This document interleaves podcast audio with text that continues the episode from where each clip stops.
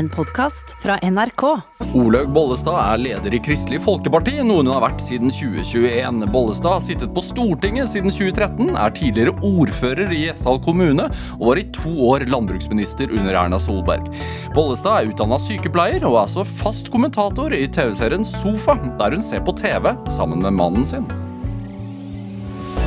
Dette er Drivkraft med Vegard Larsen i NRK P2. Olaug Bollestad, velkommen til Drivkraft. Tusen, tusen takk.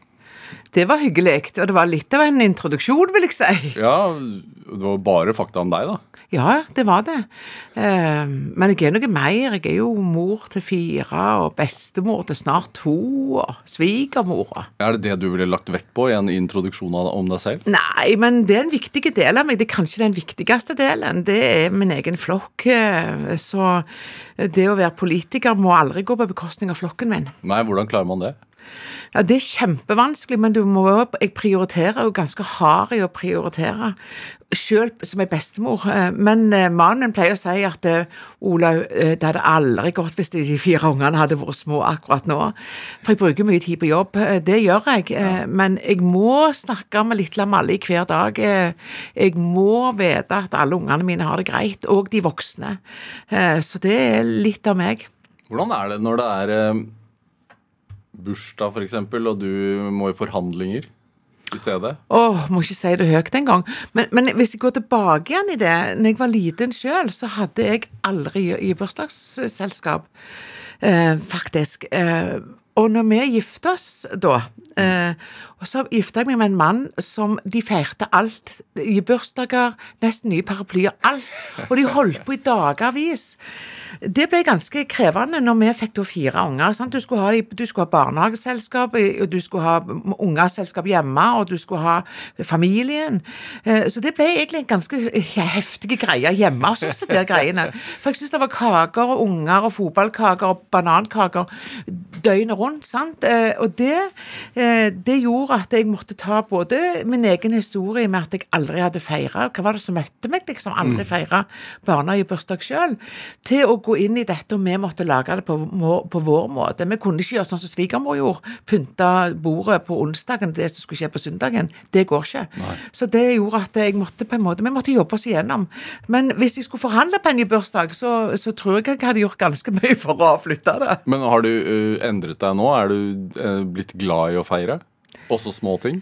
Ja, det er jeg faktisk. Og det er det mange grunner til at jeg er glad i å feire småting. Fordi at jeg har jo opplevd både som lita jente at livet er skjørt, men òg når jeg er gift med, var gift med, eller er gift med Jan Frode, og, og har opplevd flere ganger å holde på å miste han, så tenker jeg eh, er, vi må feire hverdagen. Eh, Jeg er litt mer opptatt av det, jeg. Eh, Så jeg er ikke så opptatt av de fine selskaper som jeg er av en god kveldsmat sammen med Jan Frode. Eh, Jeg blir jo invitert både på Slottet og alle veier, men hvis det er lenge siden jeg har vært hjemme, så kan jeg faktisk prioritere hardt. Da er kongen hjemme virk, viktigere, faktisk. Hva, hva, hva er en klassisk feirekveld hjemme? hvis det er bare meg og Jan Frode. Ja. Eh, Da kan vi godt ha eh, skikkelig med reker, litt eh, sjøkreps, en god vin, og kose oss med godt brød.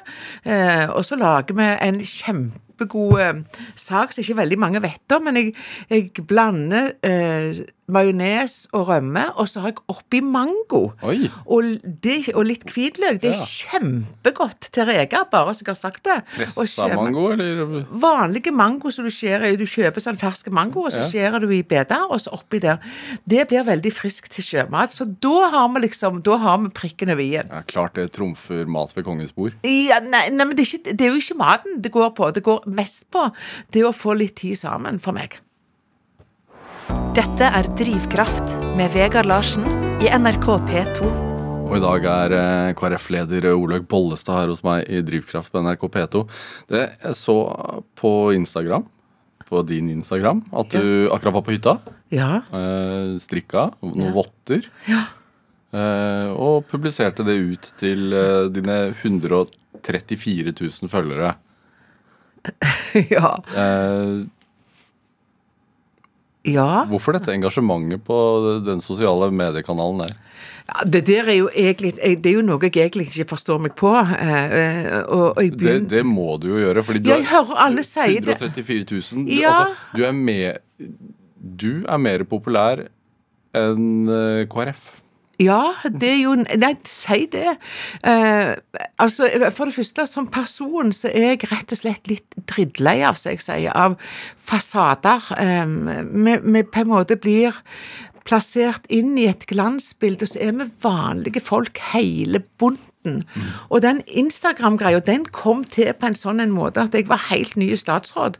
Og så hadde jeg vært i Tromsø, eh, og det var, folk trodde jo ikke at jeg hadde vært ute og reist alene før.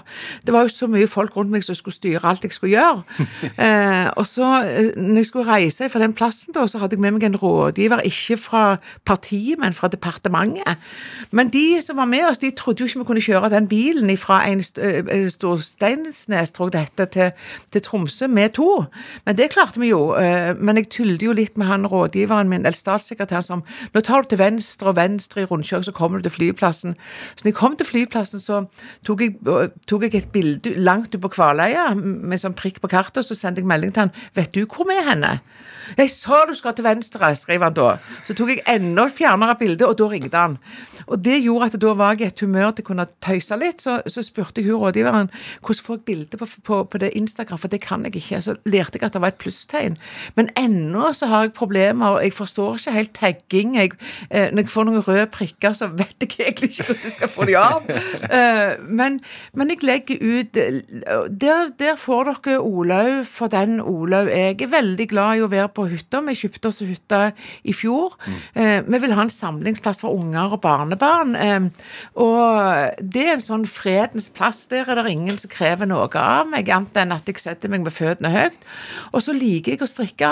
Det, det gjør jeg mye, og jeg kan sitte mange timer på nettene. Det er da jeg tenker og bearbeider ting. På nettene? Ja, jeg kan sitte litt på nettene. Jeg, jeg, jeg trenger ikke så mye søvn. så Hva tenker kan- du på da? Nei, det kan være dagen som har vært, det kan være politikk, men det kan òg være ting hjemme. Hvis når Jan Frode var eh, ringer, så, så, så brukte jeg eh, Da gikk spødet, eller strikkepinnene, ganske fort ja. ut i de sene nattetimer. Er det har blitt en måte for meg å jobbe meg gjennom den dagen som har vært. En slags terapi? Ja, ja. Og det planlegger dagen som kommer.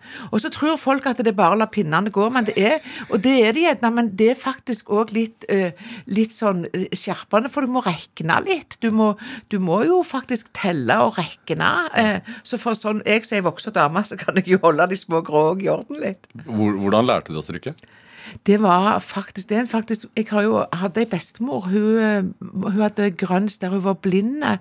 Eh, men hun hadde et godt fang, for jeg hadde jo ei psykisk syk mor, så bestemor ble på en måte en en sånn litt morsfigur. Så hun var ei stor raus dame, eh, så hun hadde et godt fang. Så hun, hun lærte meg å strikke og hekle, og faktisk noe som heter å hakke. Eh, og det er en liten jente eh, broderer, så jeg har jo brodert alle bunadene til ungene mine, eh, pluss andre sine. Så, så det var bestemor som gjorde. Og hun strikte, hun var stokk blinde. Eh, Hun strikte veldig fint. Og på slutten, når hun mista ned moskene sine, så syntes hun det var pinlig. Da var jeg blitt voksen og kunne hjelpe henne. Så, så det, men det var like mye fanget og tida bestemor hadde, som gjorde at når jeg når jeg satt i det fanget, så tenkte jeg nok, og det er nok det som gjør at jeg tar det med meg, og det er det som bearbeides. Jeg har alltid med meg et spød. Hvor bodde hun? Hun bodde på Bryne, eh, og hun bodde sammen med tanten og onkelen min. Altså, de bodde jo på generasjonsgard, og det var heimegarden til mor. Eh, og bestemor hun, De hadde utedo, eh, og bestemor hun satt alltid med døra åpen. Så jo ikke så mye, men jeg tror, jeg tror hun var litt opptatt av å høre om det kommer noen. Hun var veldig opptatt av å, å, å være på en måte litt nær meg som, som barnebarn. Men det er ikke alle med, med søskenbarn som har samme forhold til bestemor, tror jeg. Men for meg var bestemor en sånn trygg havn. Så jeg reiste jo òg i voksen alder. Men så ble jo tante og onkel som bodde i naboenden av huset, de, de ble òg veldig gode ekstraforeldre for meg, da. Hvor ofte var du der, da? Og når bestemor Jeg var der ofte nå, Ikke så mye når vi var små, for det var jo langt å reise fra Jørpeland. Altså, vi skulle jo ta fer først buss, og så ferje, og så tog.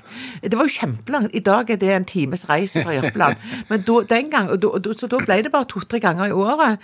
Men jeg ble ungdom og fikk bil sjøl, så var jeg mye eh, på, på Bryne òg, hos tante og onkel. Fikk være med og passe på gården og, og, og fjoset, og jeg husker meg og søskenbarnet mitt vi skulle skytene tok av gårde en sommer, og da sa jeg til hun at vi tar på oss bikini, så går vi rett ut i veien. Så får vi alle folka som kommer kjørende til å hjelpe oss. Og det gjorde de. De stoppet opp hele gjengen. og så fikk vi skyten på plass igjen. Så, så det var eh, det, det, sånn, det, var en fredens plass. Og, og tante òg, som bodde der, hun kom fra Tyskland eh, på slutten av 50-tallet. Hun hadde ikke det samme forholdet til bestemor. For det, det var ganske mye holdninger med at hun var tyskerjente. Ja. Og onkel hadde truffet henne i Tysklandsbrigaden.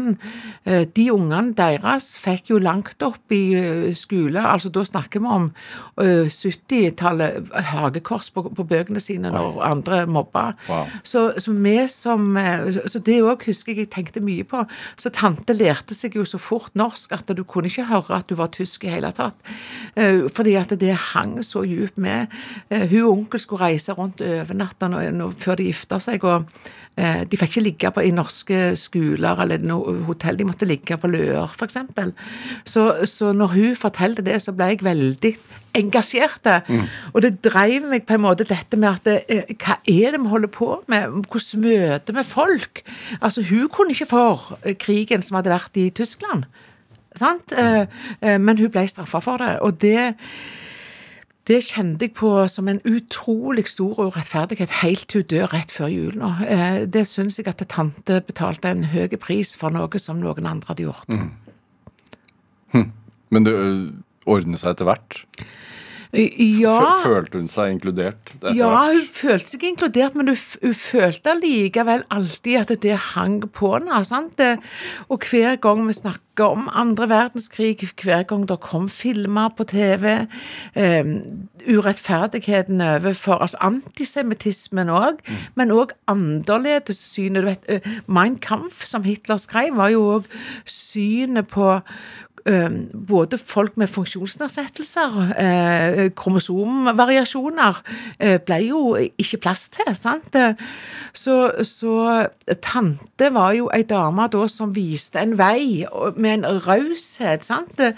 Hun eh, besøkte i fengsel, hun tok imot alkoholikeren, hun, hun brydde seg ikke om det var presten eller klokkeren som kom på besøk, om det var uteliggeren eller om det var en høy Og det det ga meg en sånn Det er sånn en verden jeg òg vil ha. Mm, inspirasjon, rett og slett? Ja, hun var en inspirasjon på at Og det hadde vi for så vidt hjemme hos oss òg. Mor og far.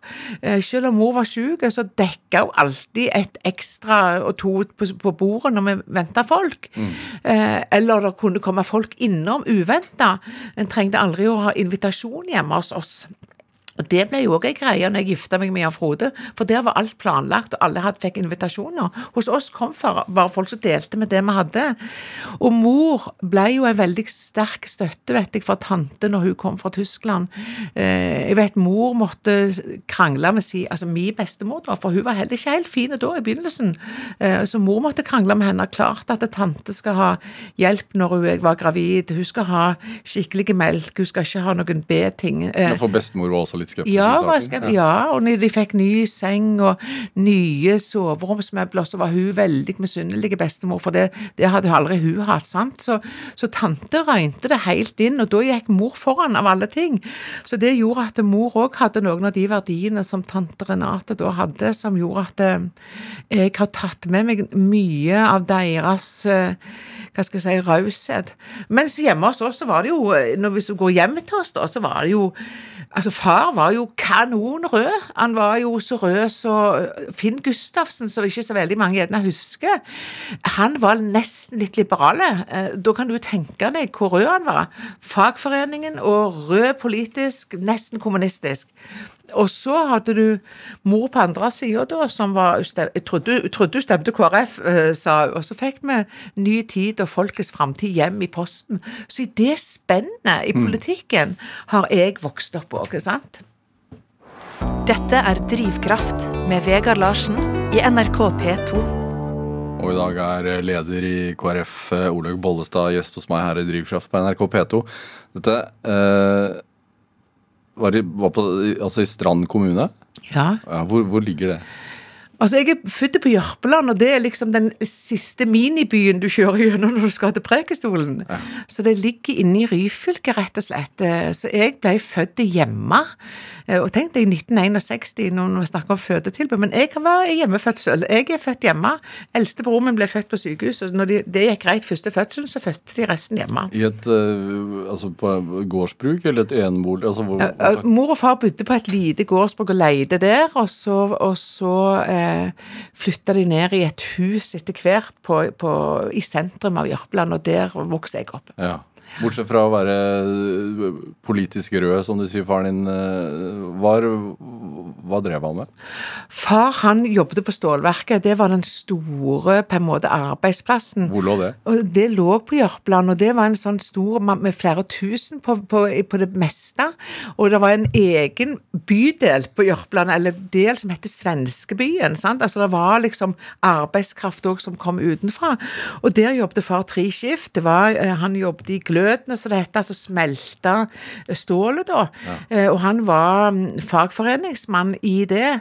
Hardt arbeid, da. Ja, var kjempe at han hadde tre skift, eh, sant? og så hadde han i tillegg en vaktordning i helgene for å passe på ognene, så ikke de var, at de var på rette temperaturer. Så jeg husker jeg var med han mye ned på søndagene og så så etter disse, og lørdagene og så etter disse ognene. men, men det er klart det var helsemessig kanon eh, vanskelig. Når gikk han på jobb? Han kunne gå på jobb klokka seks om morgenen, begynte seks, og da jobbet han til to. Og fra to til ti, og ti til seks igjen. Altså det var tre skift. Så det var ei uke med hver vakt da. sant? Og i, i den perioden så, så merket du jo at han var trøtt, spesielt når du hadde hatt seks eh, nattevakter på alle de timene.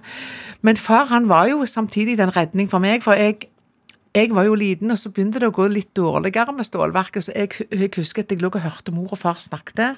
Og det er sånn eh, Små gryter har òg ører, pleier jeg å si. Eh, og, og da tenkte jeg jeg må jobbe og hjelpe til litt eh, med pengene. Hva sa de, husker du? De, ja, de snakket om husbanklånet som kom. For det kom bare to ganger i året, regningen. Eh, Og da husker jeg jeg tenkte jeg må bidra. Så jeg begynte å selge aviser der nede på stålverket der far jobbet. Så da var jeg egentlig bare fem år og solgte aviser. Hvordan gikk det til? Jo, det var sånn, Nabodama vår var sånn distributør for, for Rogalands Avis, eh, så jeg spurte Elbjørg og fikk jobben. Jo, og Du sykla banka på døren? Ja, og sykla, og så sykla ned. Er det sant? Så Helt på egen hånd? Ja, sykla ned. Ja, Elbjørg, Elbjørg, var, Elbjørg kjente jeg jo. Elbjørg var jo ei dame som var fantastisk. Alle skulle, alle skulle hatt sånne Elbjørger. Hun kunne sitte på enden av sandkassen eh, når jeg lagde sorpekaker, eller sorpekaffe. Sant? Det var jo moll, altså jord og sand og vann. Og da drakk hun sånn sånn, sånn av koppen og slurpa av koppen, eh, eh, og gjorde som hun drakk kaffe. Og så jeg hadde jo et, sånn et forhold til henne. Og hun lot meg jobbe, så jeg sykla ned hver dag.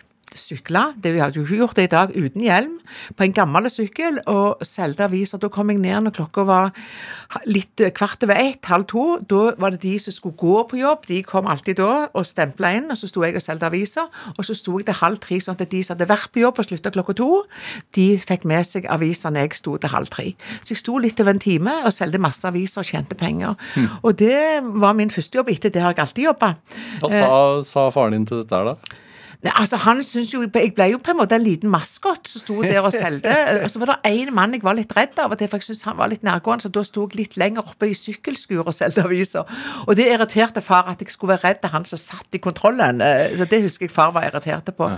Men far var jo min trygge person. sant? Altså når jeg var født, så, så mor fikk jo fødselsdepresjon når jeg ble født. Hun hadde venta lenge på å få vår eldste, min eldste bror. Eh, Sånn at eh, mens de venta på det, så hadde de veldig mange sånn, av de, det vi kaller for tyskerunger. De hadde jo unger fra Øst-Berlin som kom til Norge etter krigen. Så mor og far hadde jo flere år det, eh, før de fikk broren min, da. Og, så, og, og da var de så stolte at de gikk, de, var jo, de grein, hvis ungen grein, så grein mor, og da grein far fordi at mor grein, og så ble det veldig Det kunne bare være øreverk, så var det liksom 101 ute, for de hadde venta så lenge på denne gutten. Eh, Så kom jeg 20 måneder etterpå, da var nok mor ganske sliten, så da fikk jeg hun en fødselsdepresjon. Og så har jeg fått forklart etterpå av legen til mor at hun var nok Hun hadde nok en psykiatrisk lidelse i tillegg, Mm. men, men jeg, eh, jeg opplevde det nok hele veien som at det var min skyld. Så jeg Hvordan da? Fordi at eh, når jeg var bitte liten, så, så var det jo far som stelte meg de første månedene. Så da stelte han meg før han gikk på jobb klokka seks om morgenen og tok meg ned klokka to. Det hadde jo aldri gått i dag. Og Så lå jeg jo der oppe til han kom ned. Det er jo, det, det er jo ikke normalt å ligge uten mat skikkelig, ikke sant. Og når jeg ble litt større da, så lå jeg og lekte med fingrene mine og snakket med de, og det gjør jeg nesten ennå. Jeg, jeg eh, snakker mye med meg sjøl. For jeg lå der og snakket med meg sjøl uten, uten mye stimuli. Så når jeg var 20 måneder, hadde, kunne jeg fortsatt ikke gå. Det er ganske, du er ganske gammel da. Så de for av gårde til doktoren med meg, da. Og han doktor Rein, som han heter, han satte meg i ene enden av rommet, så gikk han i andre enden sjøl, klapte i hendene, og så sa han 'Nå må du komme, Olaug'. Så klapte jeg igjen, og så sa jeg 'Kom sjøl'. Jeg syns det var mye enklere at han gikk, enn at jeg gikk. Hvordan eh, Men far ble, den, far ble for meg den trygge helten. Han hadde noen vanvittig svære hender, eh, veldig utrolig svære håndledd. Han fikk aldri vanlige klokkereim, lereim, Han måtte ha sånn med sånn ledd på. Eh, og det, kjente, det gjorde at når jeg holdt han i hånda, så gikk jeg og tenkte jeg har Jørpelands sterkeste far. sånn? Og så når, da han ble syk fikk hjertestans når jeg var ni år gammel, så husker jeg at jeg tok hendene Jeg lå i sånn ei uttrekksseng, og så tok jeg hendene opp på vinduskarmen fordi det, det var kveld klokka ti. Han hadde sykla hjem fra jobb. Opp en bakke stupt over sykkelen og får hjertestans. Heldigvis var det en bak. Så sykla bak, som heter Harald. Han hadde akkurat lært hjerte-lungeredning. Eh, og Det var ikke vanlig i 1970. Så han, han klarte å få liv i far, og jeg så over kanten når de sto med sykebilen ute og skulle gi beskjed til mor at far skulle til byen. Eh, Så tenkte jeg nå ryker alt. Tenkte jeg som niåring da, eh, for jeg var jo født i 61. Og det, det er en sånn minne jeg har veldig Og derfor, når jeg seinere ble sykepleier, eh, for det gjorde jeg jo, jeg trakk jo i hatten og ble sykepleier, så så har unger, pårørende, vært utrolig viktige for meg. Jeg har jo reist rundt og henta unger som har blitt værende hjemme når foreldre eller søsken har kommet på sykehus. Jeg har fått sykebil med meg og henta noen av de, fordi de må få være med. Vi må ikke frata ungene våre eh, det reelle livet. Det er ikke mishandling, det er faktisk fantasien blir verre enn virkeligheten for ungene. Så at de får være med i det som er vanskelig, det har vært ekstremt viktig, både for mine egne unger, eh, men òg for andre sine unger. Jeg har jobba med, med Jeg har jobba i akuttmottak i mange mange år, og i hjerteutredning det gjør jo at du møter jo døden veldig, veldig hardt. Følte du deg utrygg som barn? Ja, jeg gjorde det, fordi at det, det eneste trygge jeg hadde, var far, og far fikk sitt første hjerteinfarkt da jeg var ni år. Ja. Eh, og han hadde til sammen tolv. Og så var det ikke hjert, altså det var ikke infarkt som tok livet av han til slutt, men det var en sykehustabbe. Ja. At de ga han feil insulin. Han, for han fikk sukkersyke av at han hadde gått på så mye hjertemedisiner. Men han levde jo til to dager før han ble 70. Så jeg hadde jo fått vår tredje unge da. Eh, Og det tenkte jeg, og nå ble jeg på en måte mest litt rørt, for jeg tenker ungene mine opplevde jo en veldig raus bestefar. Eh, Og jeg fikk ha han ganske lenge. Når, når merket du Forsto du at moren din var, var syk? Jeg forsto det ikke når jeg var helt liten, men jeg forsto at far var tryggest. Så jeg lå alltid når jeg gikk felte om natta og, Ja. og drømte, så gikk jeg inn Gikk aldri i fanget til mor. Aldri la meg med mor, men jeg la meg oppå far. Så jeg er sikker på at jeg visste mye, mye mer enn mor hvor mange hår han hadde på brystkassen. Jeg lå og tvinna på de, husker jeg. Eh, Og så, eh, så skjønte jeg nok etter hvert når jeg ble ungdom, for da ble jeg litt sånn hissig. Hva er dette her? Da kunne det gå tre uker uten at mor snakket med oss tre søsken. Eh, Jeg kunne komme hjem, jeg ble en mester i å lukke opp døra hjemme fra skolen og høre hva stemning er der innenfor her i dag. Uff. Eh, snakker hun, eller snakker hun ikke? Eh, og hun ble, i dag når jeg har unger og barnebarn selv, så tenker jeg liksom hun kunne bli misunnelig på at jeg fikk nye sykkel av far. Eh? Det, det var ei lukka av at det kom ei skrape når eh, Godsruta var jo sånn stor lastebil med sånn trunk bakpå som kom og leverte, for de måtte jo bestille den sykkelen på Sandnes. Så kom det ei skrape på den sykkelen, og det var bra, for da kunne de få billigere pris, for hun hadde aldri hatt sykkel. sant? Sånn holdt du på, og det, det skapte sånn Hva er dette for noe? Og jeg skjønte det ikke alltid. Helt til jeg var 14 år, så traff jeg ei dame. Hun heter Ingeborg. Hun bodde litt lenger borti veien. Hun var ikke hippe. Eh, mannen David Klypner og så jo ikke ut Det var skikkelig potteklypp. Det var liksom notting foran og notting bak, holdt jeg på å si. sant? Eh, hun hadde ei kåpe som knytta oppå magen, som så ut som hun var gravid, men de hadde ikke unger. Men hun inviterte meg hjem til seg, og jeg tenker liksom, hva var det som gjorde at jeg fikk tillit til hun? Um, og hun lagde noe som vi den gang kalte for, vi kan nesten ikke si det i dag, jødekaker. Det, og, så var det, og der hadde hun så mye hornsalt at når jeg kom inn, så var det sånn Du trenger ikke nesespray på tre uker, liksom. Bare, huff, så er det bare. Uh, og litt sitronbrus. Men det var jo ikke det som betydde noe for ei ung jente. Det var, plutselig så var det ei som så bak fasaden så bak flanellskjorta til far som jeg hadde på meg, og bootsa som jeg gikk med, og forklarte meg Olaug, du, du kommer Mor di kommer aldri til å på en måte, Du kommer aldri til å få det du lengter etter hos mor, fordi at hun er syk. Det var da de er sjuke. Så det gikk Jeg, jeg ble nesten ganske voksen eh, før jeg skjønte egentlig hvor syk mor var. Og så var det ingen utad som så dette, for når mor var syk og tidde, så så, da var hun jo hjemme. Og så når hun var i god periode, så sykla hun rundt og ga syltetøy og lagde lefser og snakket med alle og var kjempesosiale. Sånn at når jeg har fortalt min historie i voksen alder, så var det få som egentlig visste. Og på skolen så sa læreren til meg nå når vi hadde treff Olav, du gjorde jo alt, du gjorde lekser, du gjorde jo alt. Så du var jo så flink til å skjule. En sånn avvisning, hvordan preger det et liv? Ehm, du går alltid og lengter etter et fang, på en måte. sant? Eh, og hver gang jeg kjører over Bislett, så lager jeg en gang et brev oppi der til mor for å prøve å forklare. Den postkassen er der ennå. Ehm, den Hva? røde postkassen som jeg la et brev oppi, det brevet svarte hun aldri på. Hva ville du få hva, hva Jeg ville- ville jo formidle hva jeg hadde savna, og hvorfor, for, hva, hvor har du vært henne, hva er det som skjer, sant? Eh, Og, og hva har du gjort med meg? Det ble bare lagt vekk. eh, Sant? Det var ingen, ingen, ingen respons. Og det, det tenker jeg det ble på en måte en avvisning en gang til.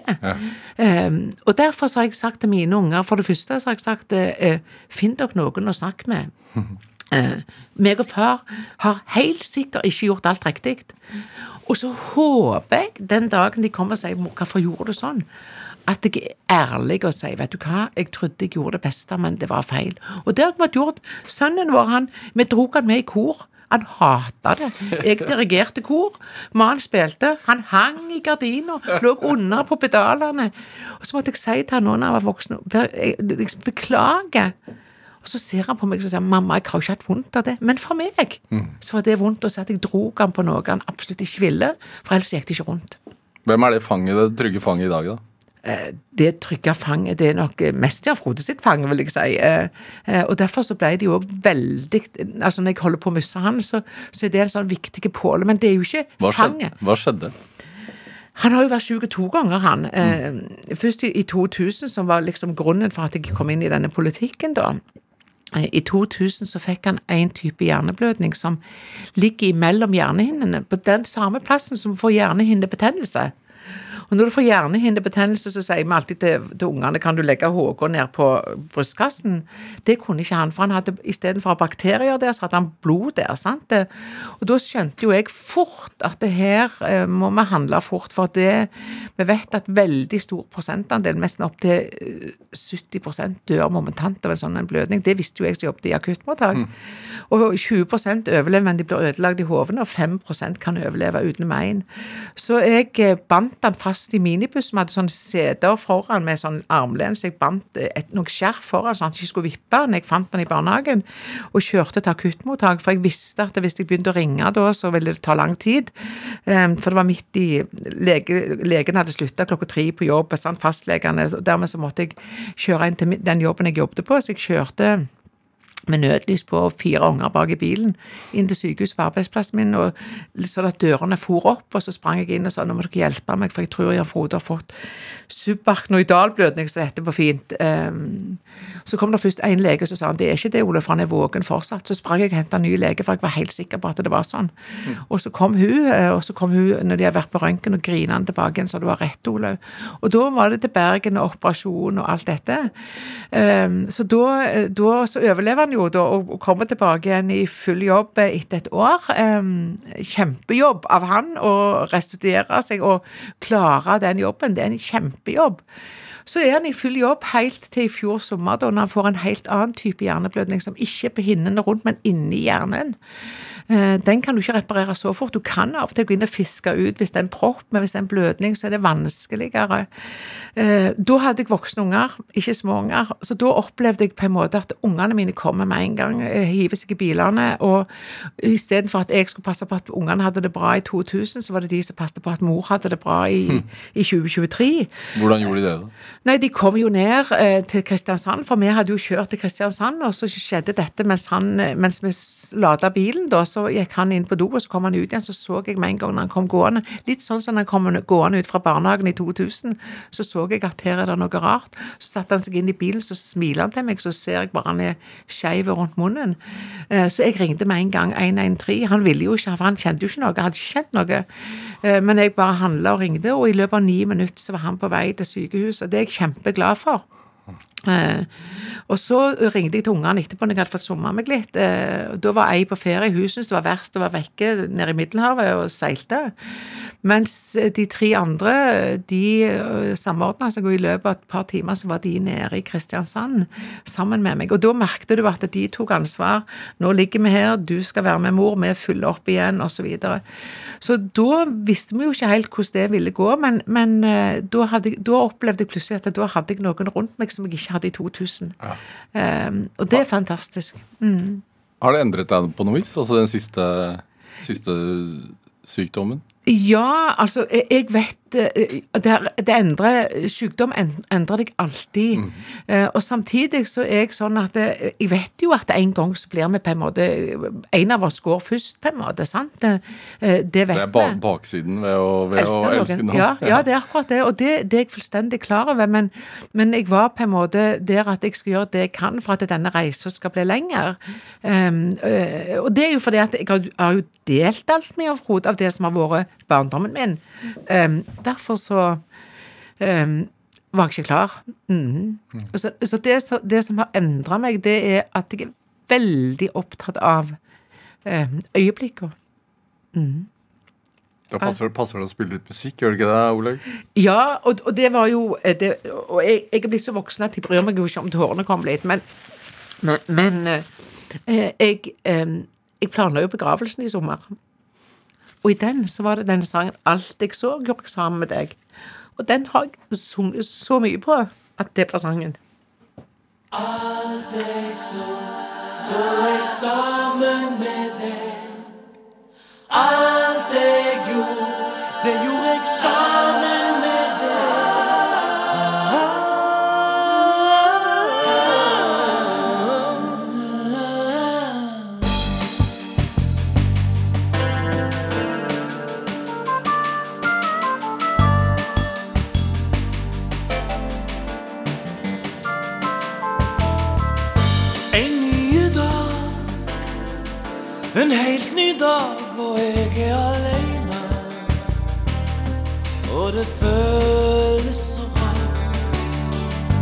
En bitter smak.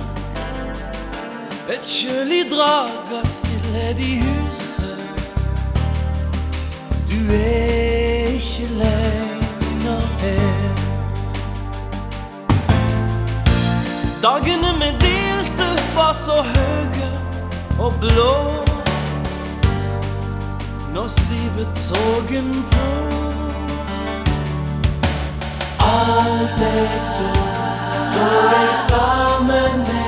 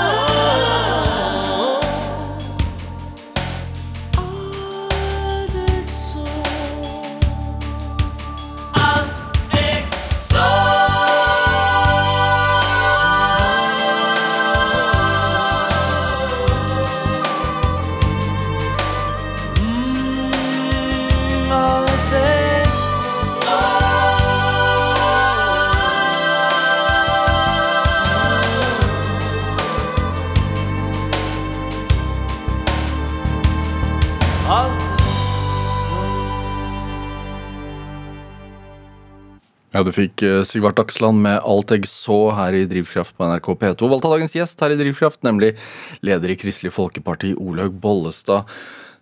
Uh, flott sang. Kjempefin. Den uh... Sigvart Aksland har vært der uh, tidligere i Drivkraft og pratet mer om den sangen da, men, men jeg skjønner jo at den passer. Men, men fra, fra stundens alvor, eh, som vi pratet om før låten, at, at du var redd for å miste mannen din, hvordan traff dere hverandre? Ja, det eh, Han hørte meg før han så meg. Det tror jeg på! ja, det er helt sant. Den, den har du alltid Har, har Shatra altså, alltid gått? Har det alltid vært eh, Nei, altså Det som var greia, var at jeg leda en stor juletrefest på Jørpeland. Det var jo liksom eh, den store greia. Det var en svær i gymsalen, så hele bygda var jo på føttene. eh, Og da var det så mye folk. Når var dette her? Dette var jo på slutten av eh, 70-tallet. Ja. Så jeg var, jo, jeg var jo ikke så gammel. Jeg var tidlig på videregående skole. Første året. Og da skulle du lede en stor jule... Den store juletrefesten. ja. eh, Hva så- var dette her for noe? Det, hæ? Hva, hva, hva, Hva er juletrefest? jo, det vet jeg jo, men Ja. hva, var dette et stort arrangement for alle? Alle som ville, kunne komme på den juletrefesten. Og Hvor det var, var den? stor i idrettshallen. Ja. Eh, og der var jeg på scenen, men jeg, jeg var ikke så høy, og så var jeg mye tynnere enn det jeg er nå. Altså, jeg har jo fått bonus etter jeg eh, fikk eh, unger. ja, for du er så- tidligere maratonløper og Ja, sånn? du. ja. Jeg har tenkt det. Jeg har sprunget maraton for over 40 kilo, som jeg pleier å si. Så, det, og det eh, Så jeg var ei lita snedde dame oppå der, da, så han, han bare hørte meg og så meg ikke. Og så, og så hadde han sagt til en kompis vi må treffe henne der. Og så, han, og så kom de inn ei helg etterpå til ei venninne av meg på besøk. Og så ringte hun til meg, da, for da var jeg, jeg jobbet jo på butikk da. Det gjorde jeg jo fra jeg gikk på eller barneskolen. Så jobbet jeg i en butikk, og så ringte hun så ringte hun og sa at du må hjelpe meg, det kommer to galninger fra byen. Og så var det han og kompisen som kom. Eh, og da gjorde de jo sånn at de på en måte kom seg for seint til ferjene hele veien. Jeg syntes de var noe dretne når de ikke kom seg på ferjene. Og så så, jeg, eh, så de måtte jo overnatte hos hun venninna mi i kjellerstua da. Og det gjorde jo at eh, jeg syntes de var tåpelige. Men han Vi hadde kontakt og gikk litt i samme gjengen og sånn i flere år. Så begynte han å sende brev til meg, og det syns jeg var toskeskap. Eh, altså, han kunne i det minste enten komme opp på døra, eh, være så nøden og sende brev. Og vi måtte snakke sammen, så det ble jeg irritert på. Eh, og så fikk jeg et kart i det der, at han var på hytta. Så sa jeg «Jeg, har gidder ikke tatt tog ut av den hytta.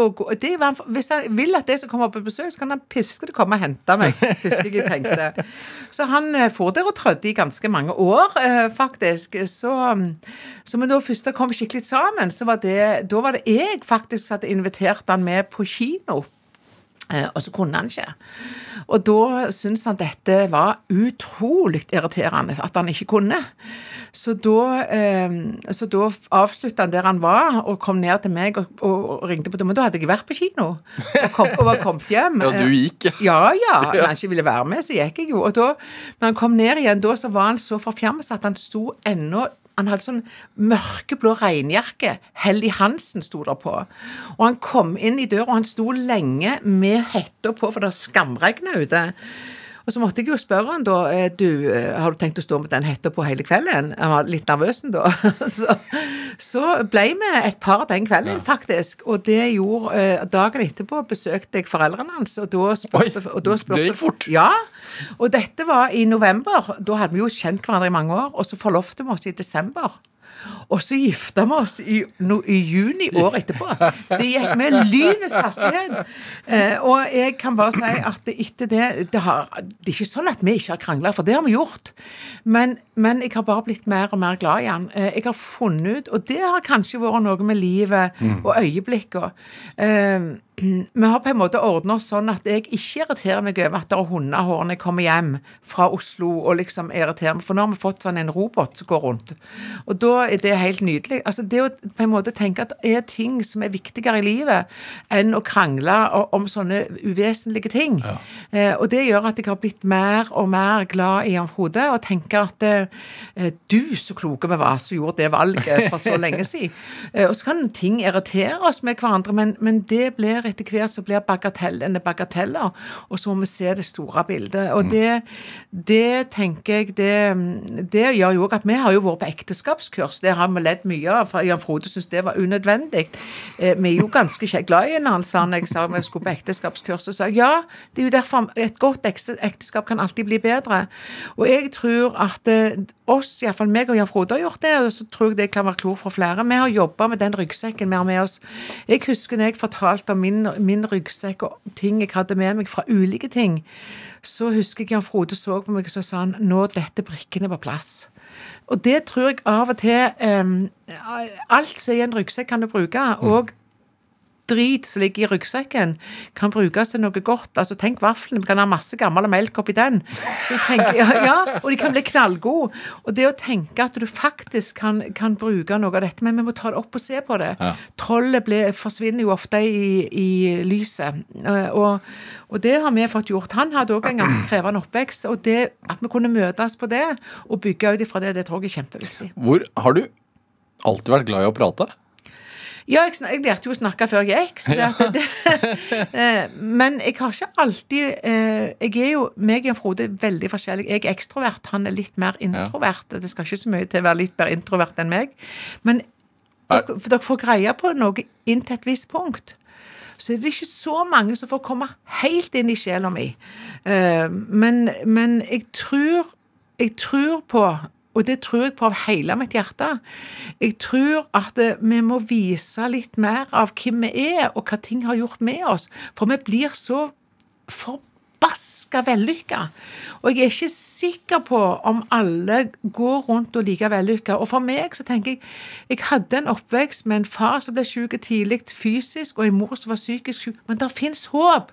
Og jeg tror det er så viktig å tenke hva ei nabokone, gammel hun var ikke hipp i hele tatt. Hun hadde bare noen, en so, eller en divan, som det heter da hjemme. At naboer kan bety noe for et helt liv. Er, er vi for opptatt av å fremstå vellykket i dag, tenker du? Ja, jeg, ja, det, ja, tenk på alle de der filter og folk ungdommene legger på, på for å se finere ut. Altså, nå sier jeg at det, eh, for helsa mi så kan det godt være noen kilo lettere. Men vet du hva? Det er bonus for at jeg har fått fire unger. Eh, Jeg tenker vi må tenke Livet Vi blir ikke mindre verdt om vi blir eldre. Om du får ei skrukke i fjeset, ja, så har jeg den skrukka, og den forteller noe. Eh, Når lille Mally sitter på fanget og, og så ser på disse skrukkene under hundehåka, så kan bestemor fortelle at ja, vet du hva, og så kan vi på på en måte leve livet. Vi skal være så vellykka hele livet, og, og de som blir godt voksne, skal være nesten 20 resten av livet. Men vi er ikke det, og da må vi på en måte gi ærligheten i det, så tenker vi skal gjøre det beste ut av det. Det er ikke det. Hvordan er det oppe i toppen? Går det fort? Eh, Ja, det går fort, men jeg grubler òg. Liker du å sitte og lytte? Ja, faktisk. Jeg lytter både til bøker, og jeg lytter til andre, og jeg kan lytte. Um, faktisk. Har du klisterhjerne? Ehm, jeg husker iallfall ganske godt. Ja, det merker det. Ja, jeg husker ganske godt. eh, Og det, og det er nok fordi at det har vært en måte Hjemme hos oss så var jo ikke bøker viktig. Det var ikke viktig å lese, men jeg har lest i hundrevis av bøker, for det biblioteket ble en viktig bit for meg som liten. Ja. Det å begynne på videregående skole og ta gymnas, det mente far min og mor mi begge to var helt unødvendig. Så skulle jeg gå der, så måtte jeg betale det sjøl. For da måtte vi betale skolebøker, noen av de. Når jeg, når jeg begynte på studiet, så, så, så betalte jeg det sjøl. Og så mor og far jeg, Far ga meg bil, faktisk, når jeg ble 18. Det syntes mor mi var helt forferdelig. Men jeg fikk en liten eh, eh, Minimorris 1275 GT. Kanonrød. Veldig fin. Så, så jeg tenker liksom at, det- at det var far god på, at jenter kunne kjøre bil eller gjøre sånne ting like mye som gutter. Så derfor så fikk jeg tidlig på en måte fart. Og Men er det sånn at du kan lese et dokument, og så trenger du ikke å jeg husker ganske godt i det dokumentet. da. Ja. Ja, jeg gjør det. Hæ? Det er Eh, vanskelig å argumentere mot deg, da? Eller Nei, det vet jeg ikke om jeg kan, si, men jeg, men jeg husker nok eh, litt detaljer hvis jeg gidder å lese dem. Ja. Eh, og så har jeg lært, lært meg en teknikk å lese noen av disse eh, eh, dokumentene på. Eh, fordi at eh, noen ganger så går vi politikere òg helt ned i pedimeteren. Eh, og så ser vi ikke den store konsekvensen av det vi egentlig gjør da. Så, og det tenker jeg av og til vi må tenke igjennom. Hva, hva vekket det, politiske engasjementet? Altså, for du, du er utdanna sykepleier, du hadde jo jobb, du var jo eh, på Stavanger sykehus eh, i en lederrolle. Ja. Hva, hvorfor i all verden melde overgang? Ja, det kan du si. Jeg kunne sikkert gjort en karriere der. Det sier de jo rett som det er når jeg er på besøk. For Ja. jeg er jo innom der og møter de, de det. Og jeg var veldig opptatt av å gjøre en god personalpolitikk for de jeg jobbet rundt. Kollegaene mine var de viktigste jeg hadde, og de kunne både støtte meg på og bygge. Jeg elsker når folk blir flinkere enn meg, eh, faktisk. Det mener jeg er en god lederjobb. Eh, Men engasjementet til politikken kommer jo etter Jan Frode var i 2000. Eh, og Da stilte jo naboer, og banken ringte og sa vi, vi, vi trekker ikke lån, vi trekker bare renter. Og jeg måtte låne frysekapasitet hos naboen fordi at folk bakte så mye boller og brød og middager. sant? Eh, og etter det, så, i 2003, så fikk jeg da eh, spørsmål fra fire partier om jeg kunne være med i lokalpolitikken.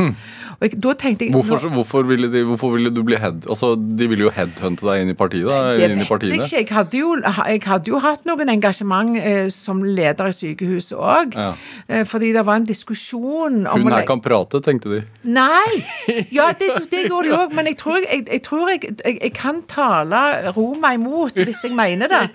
Eh, og, og det var at de ville legge ned en viktig bit av akuttfunksjonen i Stavanger. Og det er et stort sykehus. Det er Norges fjerde største sykehus. Så vil de legge ned. Og for første Jeg har gått i fakkeltog to ganger. Det var det ene. Da lagde jeg fakkeltog. Og så sa de til meg du kan ikke gjøre det, for du er ansatt på sykehuset. Da tok jeg av meg den hvite frakken og sa da er jeg pårørende. og det gjorde at folk så at jeg hadde et engasjement. Hvordan funker det da når man blir forsøkt headhuntet av fire forskjellige partier? Altså, Da måtte jeg jo lese partiprogrammet deres, for jeg Ja. var ikke medlem. Jeg hadde til og med meldt Jan Frode. Når man, hvem var de tre andre?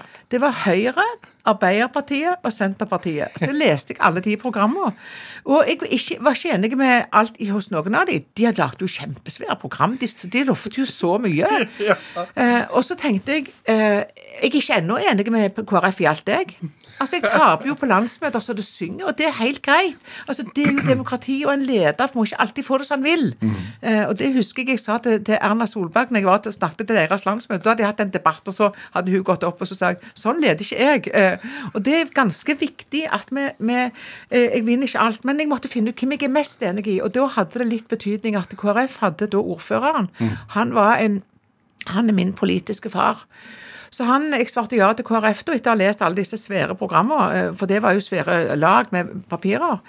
Og meldte meg, eh, eller Jeg kom inn i kommunestyret, sto på 15.-plass, og så ringte han dagen etter valget. Jeg hadde hatt forening og sa han, du kom inn i kommunestyret. Å herlighet, jeg har jo aldri vært i et kommunestyre. Jeg hadde til og med meldt Jan Frode ut av KrFU eh, når, vi var nygifte, for vi hadde jo ikke råd til alt. Jeg bare meldte han ut jeg, når ikke han var aktiv. Eh, Så jeg måtte melde meg inn i KrF, og ble, da kom jeg i formannskapet i første perioden. Og så havna jeg, ble jeg ordfører perioden etterpå. Men hadde du med deg en barnetro?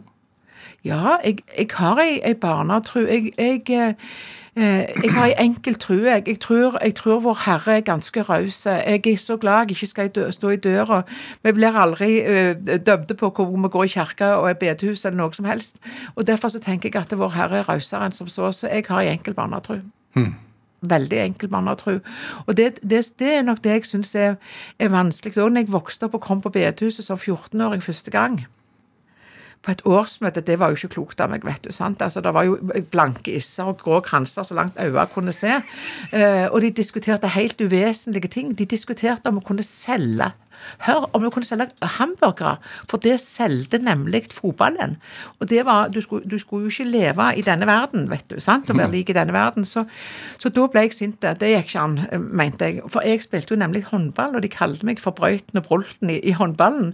Eh, Så jeg syns det var egentlig ganske krevende at de diskuterte helt uvesentlige ting. Jeg mener at terskelen inn til, til forsamlinger må være lave, som jeg mener terskelen inn til Stortinget skal være lågt for folk. Altså, vi, vi, vi lever livet enten vi tror eller ikke tror, og terskelen for å ha med seg en ryggsekk må være store. Det er jeg veldig opptatt av. Er det for store omkostninger i dag for å gå inn i politikken, tror du?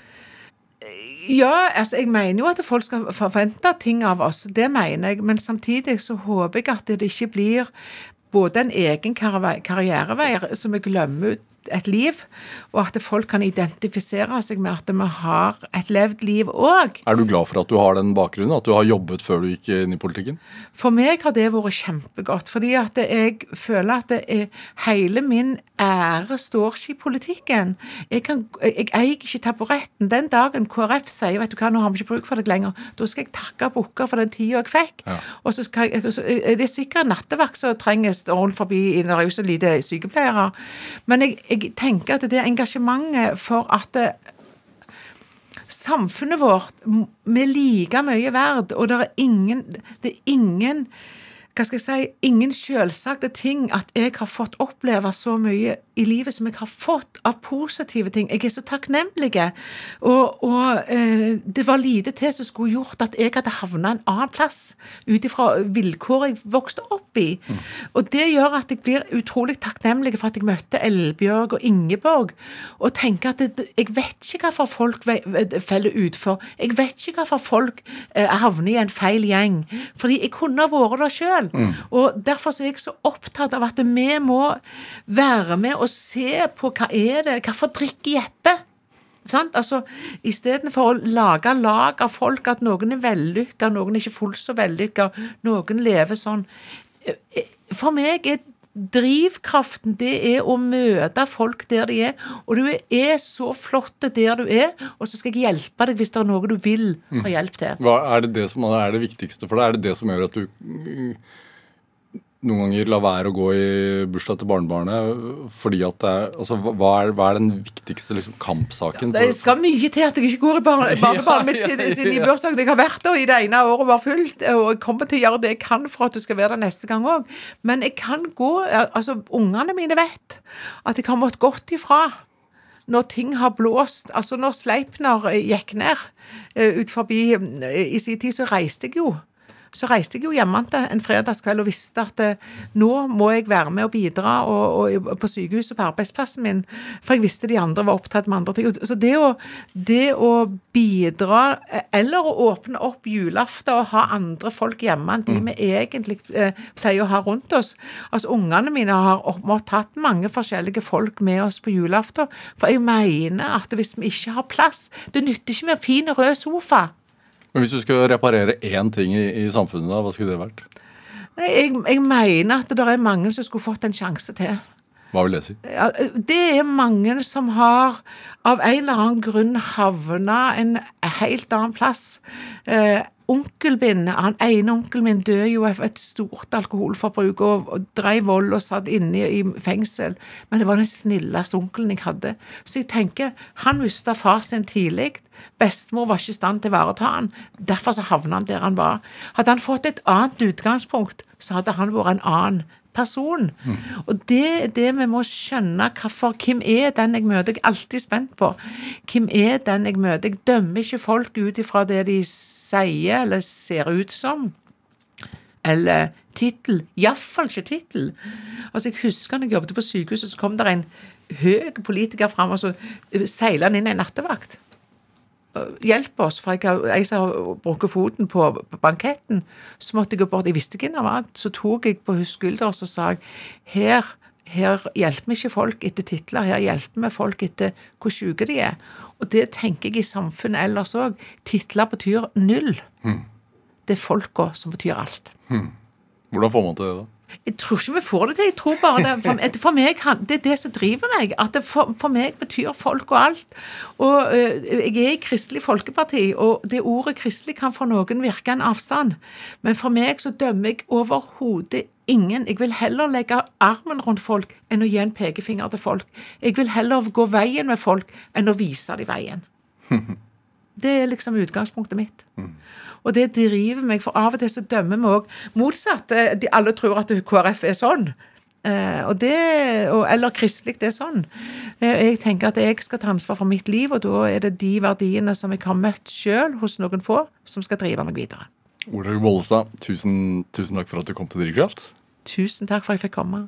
Hør flere samtaler i Drivkraft på nrk.no eller i appen NRK Radio. Send oss ris eller ros, og også tips til mennesker som du mener har drivkraft. Send en e-posten til drivkraft.krøllalfa.nrk.no. Vi hører veldig gjerne fra deg. Produsent i dag det var Ida Kjøstelsen, mens Marit Rosterud bidro med research til denne sendingen. Dette var Drivkraft. Jeg heter Vega Larsen. Du har hørt en podkast fra NRK. Hør alle episodene kun i appen NRK Radio.